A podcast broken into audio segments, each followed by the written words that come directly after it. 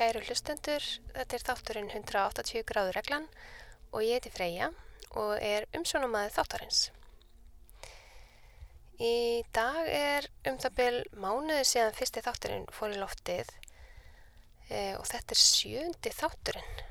Vá, það var nú ekki alveg planið að hafa svo marga þætti í hverju mánuði. E, planið var kannski svona tveir til þrýr þættir í mánuði. Um, sjá hvernig þetta þróast. Það er nú ekki, ég gerir nú ekki ráð fyrir að þetta verði alltaf, alltaf svona en það er einhvern veginn bara þegar ég fór á stað með þetta þá er bara svo ótrúlega margir sem er langað til að taka viðtal við. Þannig að það er svolítið erfitt að Já, já, minnst það bara skemmtilegt að meðan þetta er, meðan þetta er og meðan ég fæ nóga fólki til þess að koma í viðtal. þá er það bara gaman. Um, þetta, þessi þáttur í dag verður óvinnilegu þáttur. Ég er strax farin að brjóta mínu einn reglu sem ég talaði um í fyrsta þætti. Ég sagði að í hverjum þætti er þau alltaf tveir aðilar að tala saman og viðmælendur eru þau alltaf til skiptis, kvenkins og karlkins uh, en í dag er engin viðmælandi þannig að þessi, þessi þáttur telst ekki með í tölfræðinni þetta er bara svona auka þáttur sem sagt tölfræðinni um að það ætti að vera jafn hlutfall karlkins og kvenkins viðmælenda um, já kannski sagði ég ekki beint að það yrði alltaf að vera til skiptis þetta sko já, markmið er að þetta sé allavega 50-50. Þetta er búið að vera svolítið erfitt nefnilega að reyna að halda þessu svona alltaf tilskiptis uh, kvenkins og kallkins að því að einhvern veginn stundum kannski dettur inn hérna ég veit ekki, fleiri, fleiri kallar eða fleiri konur í rauð og, og þá þarf einhvern veginn að púsla þessu eða láta eitthvað býða. Ég leitt til dæmis, ég var til dæmis lungu búin að taka upp viðtalið við hann hérna, Tómas, kveikmyndugumann en svo einhvern veginn fannst mér ég þurfa að hafa konu og, og svo kom riff og það kom börkur og eða, þannig að ég þurfti að býða með það og svo þannig að, já, en allavega e, já, Tommy var síðastur og ég hugsaði að verði annar kallmaður núna í röð næst sem sagt. Og þá er ég að hafa tvær konur eftir það. En eh, ég er nefnilega vonast eða það lítur allt út fyrir að næsti viðmælindu minn verði hann Elvar Aðalsteins leikstjóri sem að leikstýrði eh, myndinni End of Sentence sem að var opnunarmyndin á Riff núna. Og já, ég hlakka mjög mikið til að tala við hann. Ég fór á, á myndina og, og hérna þetta var mjög skemmtileg mynd. Algjörlega. Um, og bara flott og, og velgerð sko. Um, já. En ég hver er eiginlega tilgangur með þessi hlaðarpi og hérna? Ég náttúrulega veit ekkert hverjir er að hlusta uh, líklega er þetta bara fólkdra mínir og sískinni og einhverju vinir. Mm, en kannski er einhver hlustandi að núti sem að þekki mikið neitt. Þá er við komandi kannski að hugsa hver er þessi freyja? Og hvað þykist hún eiginlega að vita um kveikmyndagerð uh, ég þykist svo sem ekki að vita neitt eitthvað rosalega mikið um kveikmyndagerð um, ég veit eitthvað og svo er ég bara að halda þessari barslu forvitni að vilja vita meira og meira um það sem ég er upptekinn af hverju sinni. Og já, varandi kveikmyndagerða finnst mér bara langt best að læra af öðru fólki með því að heyra þeirra reynslu og þannig ég hugsa að þetta hlaðvarp sé nú kannski bara aðalega fyrir sjálfa mig að mér er svo gaman að heyra allar þessar sögur og hvað hva fólk er að að segja hvernig það hefur byrjað í, í bransanum og, og hvað það er að gera og hugsa á einhverja reynslusögur. Man lærir ótrúlega mikið af því. Og vonandi hefur einhver annar gaman að þessu líka, ekki bara ég. Allavega kannski kvikmyndaskólan í myndur eða þeir sem eru svona að byrja að fóta sig. í kveikmyndagerunum og kannski einhverju fleiri líka. En hver er ég? Já, ég er uppalinn í Vesturbænum og eins og svo margir Vesturbæingar þá fór ég þennan klassíska mentaveg, melaskóli, hagaskóli, MR, sexara háskólanám í dýralagningum, svo hundaþjálfaranám og svo auðvitað hér raugrétta framhald, nám í heimildamyndagerð í Kaupmannahöfn, svo eitt ára tæknideld í Kaupmyndaskóla Íslands. Uh, já, nei, þetta er kannski pínu svona spes. Svolítið að vaða úr einu í annað. Um, ég tók allavega svona, já, mætti kalla það 180 gráðu beigju í lífinu. en hvað hef ég lært af þessu? Já, líklega bara það að það er ekki svo sniðut að taka ákverðun um starfsferil þegar maður er 5 ára. Ef að allir myndi gera það, þá væri nú líklega bara allir í heiminum annarkvort dýralagnar, löggur eða búðakonur. En já, það er ekki allir sem að svona átta sig á strax hvað hendar þeim í lífinu. Og ég tók bara þessa leið og ég hugsa samt að það gefur mér samt ótrúlega mikið að hérna bara hafa prófað alls konar. Og, og kannski var bara þetta, ég þurfti bara að fara þessa leið að, að því að fara í gerð um, já, kannski ástæði fyrir því að ég er svolítið spennt að tala við hann Elvar Aðarsteins er að hann held ég hef ég heyrt séð mitt einn af þeim sem fór ekki beint í kveikmyndagerð eftir eftir mentaskóla þannig að ég er svolítið spennt að vita hans sögu. Mm, tónlistin sem að var spilið henni upp af við og ég ætla að spila smá bút aftur núna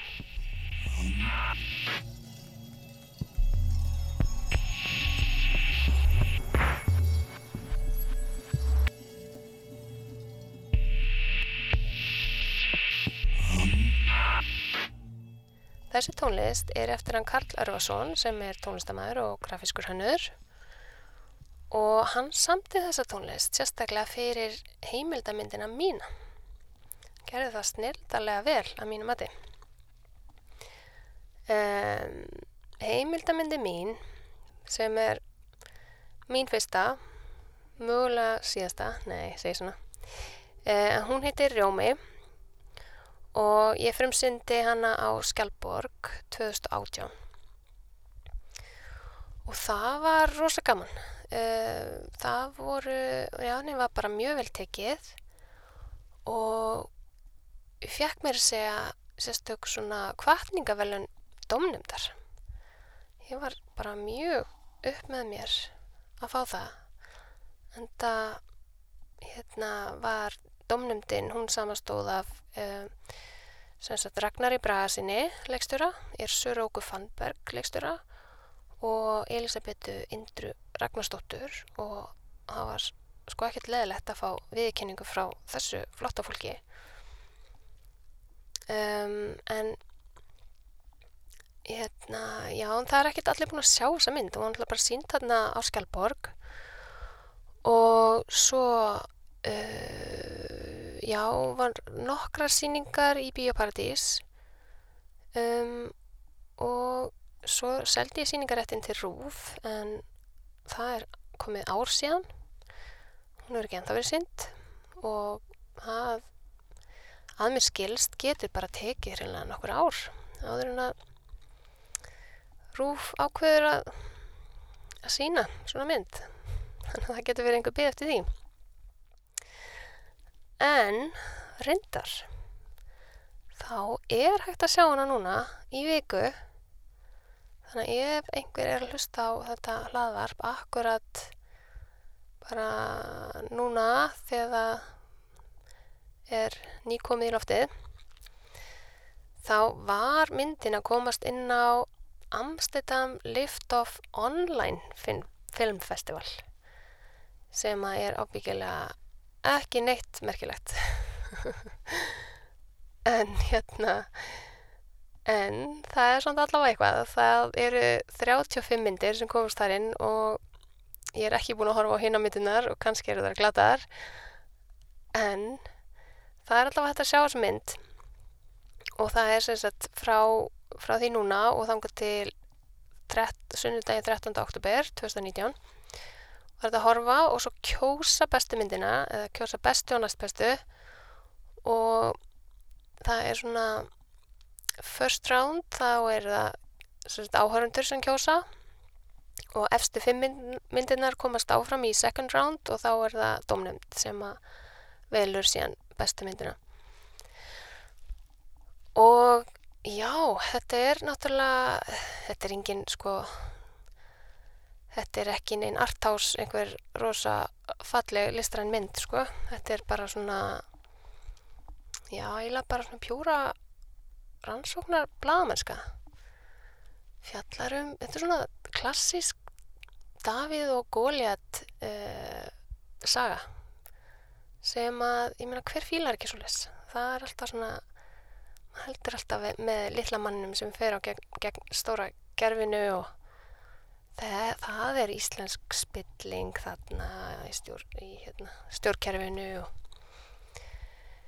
já sko mér finnst þetta skemmtileg mynd en ég er svo sem ekki hlutlaus. En um, já reyndar þá gæti ég sko ég er ekki sem að posta þessum link sko ég setja hann í lýsinguna hérna þannig ef einhver vil fara inn og, og, og kíkja á þetta eða, eða kjósa. En svo ætla ég að setja þetta líka inn á Facebook hérna síðu myndarinnar af því að það er eiginlega ótrúlegt. Það er hérna fullt af fólki sem þekk ekki neitt einhver staðar bara út í heimi sem er búið að hafa samband og, og spyrja hvar og hvernig og hvenar það getur fengið að sjá þessa mynd.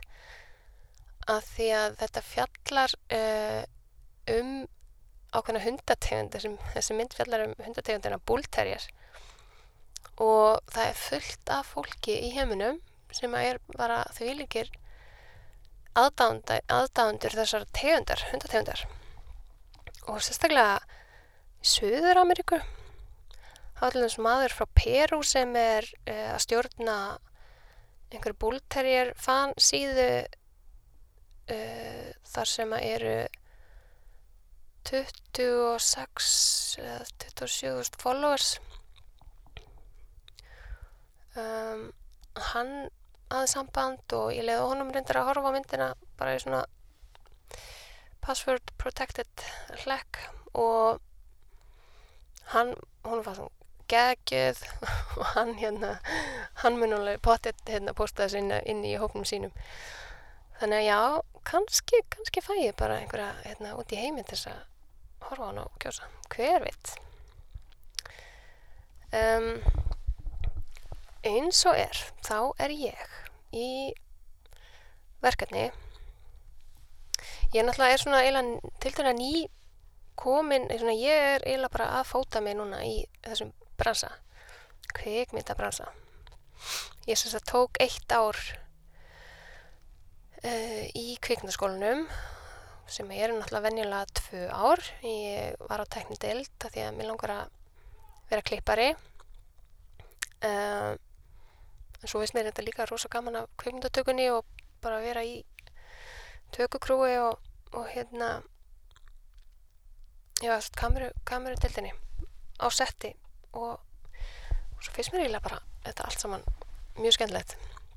Og mér finnst þetta rosa gaman að að hérna bara kynnast mismunandi stöðum á setti því maður lærir alltaf eitthvað og maður skilur svona betur einhvern veginn ef maður prófar þetta frá ymsum liðum og hérna og svo þegar maður er að reyna að koma sér áfram svona til að byrja með þá náttúrulega verður maður svolítið kannski bara að taka því sem er í bóði fyrst til þess að fá næsta tækifæri.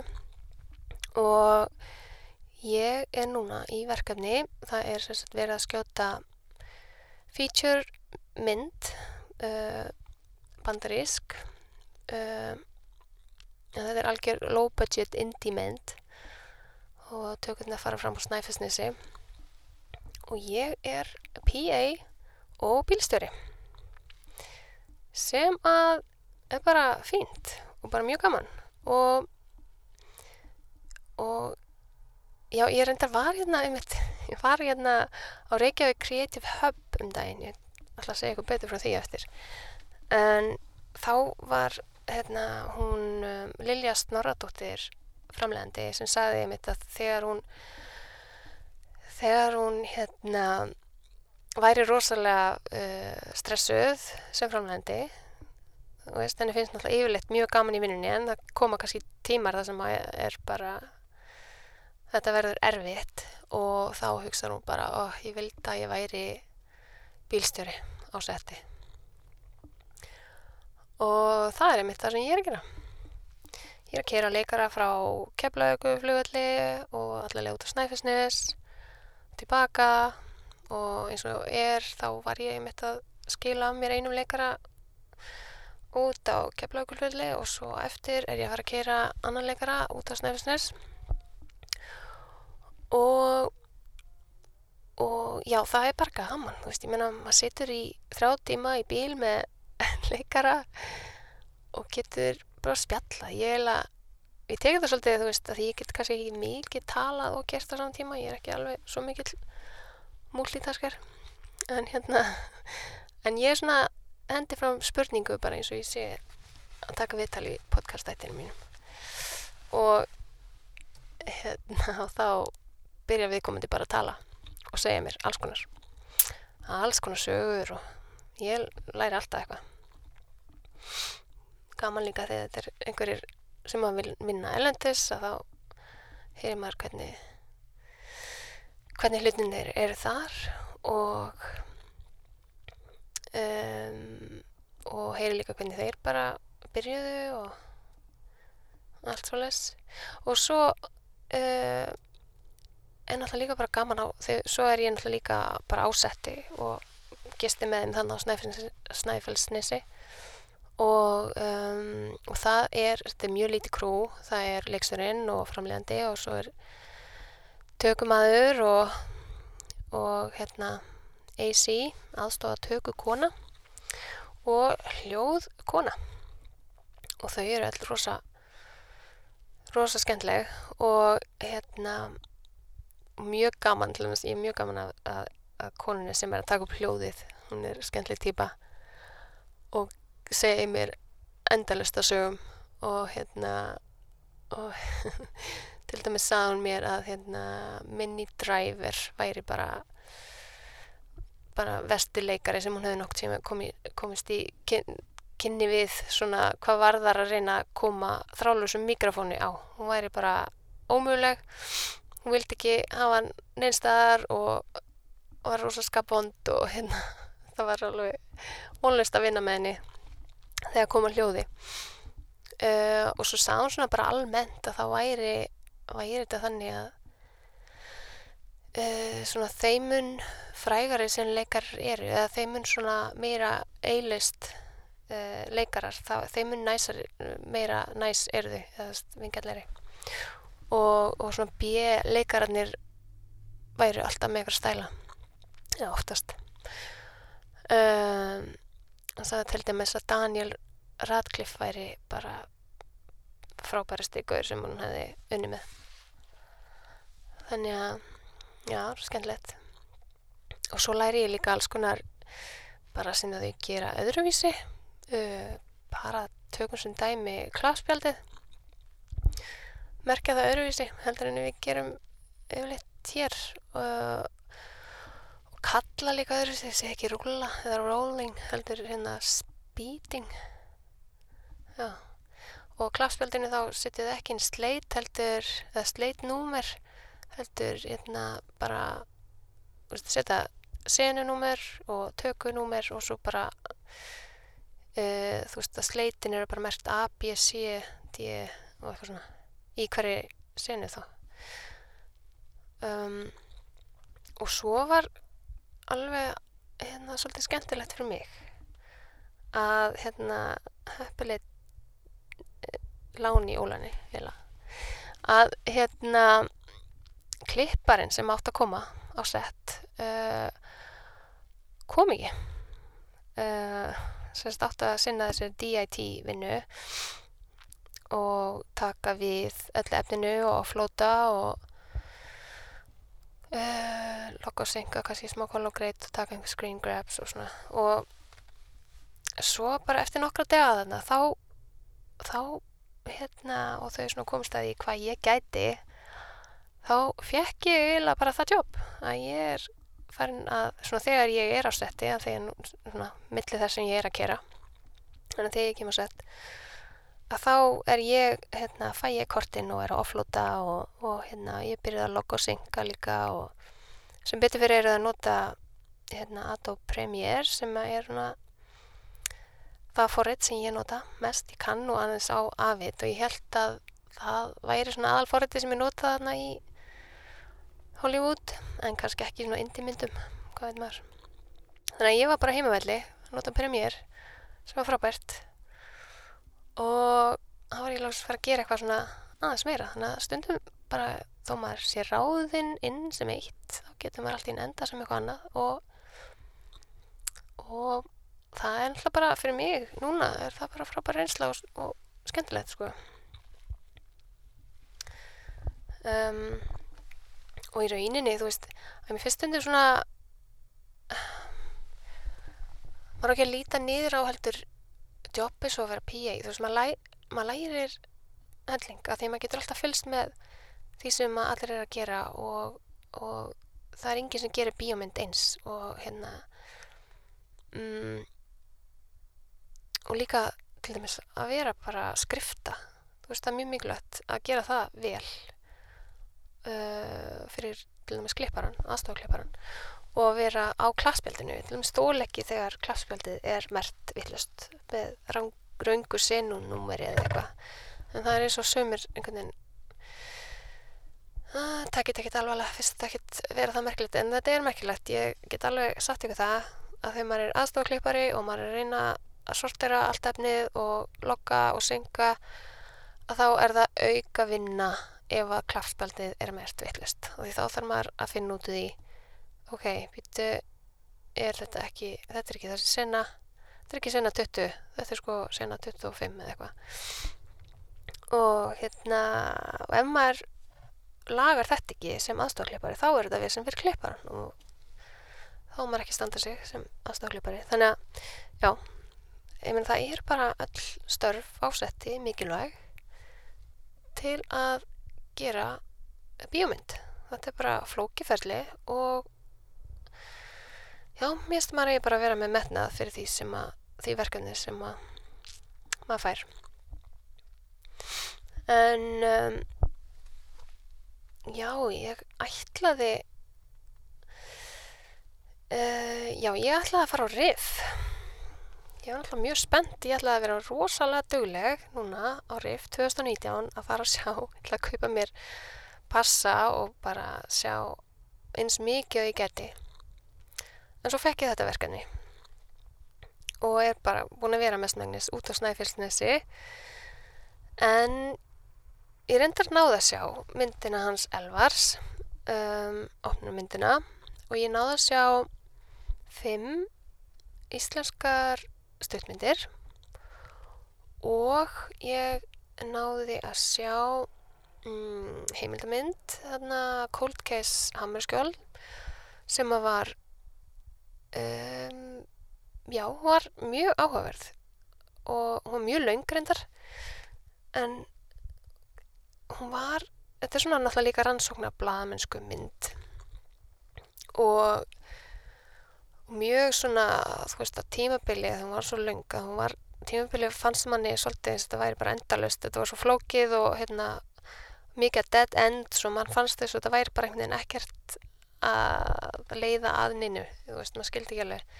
Svo einhvern veginn allt í hennu uh, fór þetta að hanga saman og púslast saman og og varð svolítið spennandi hérna undir lókinu náttúrulega alveg rosa uh, í rauninu magnað sem kom í ljós.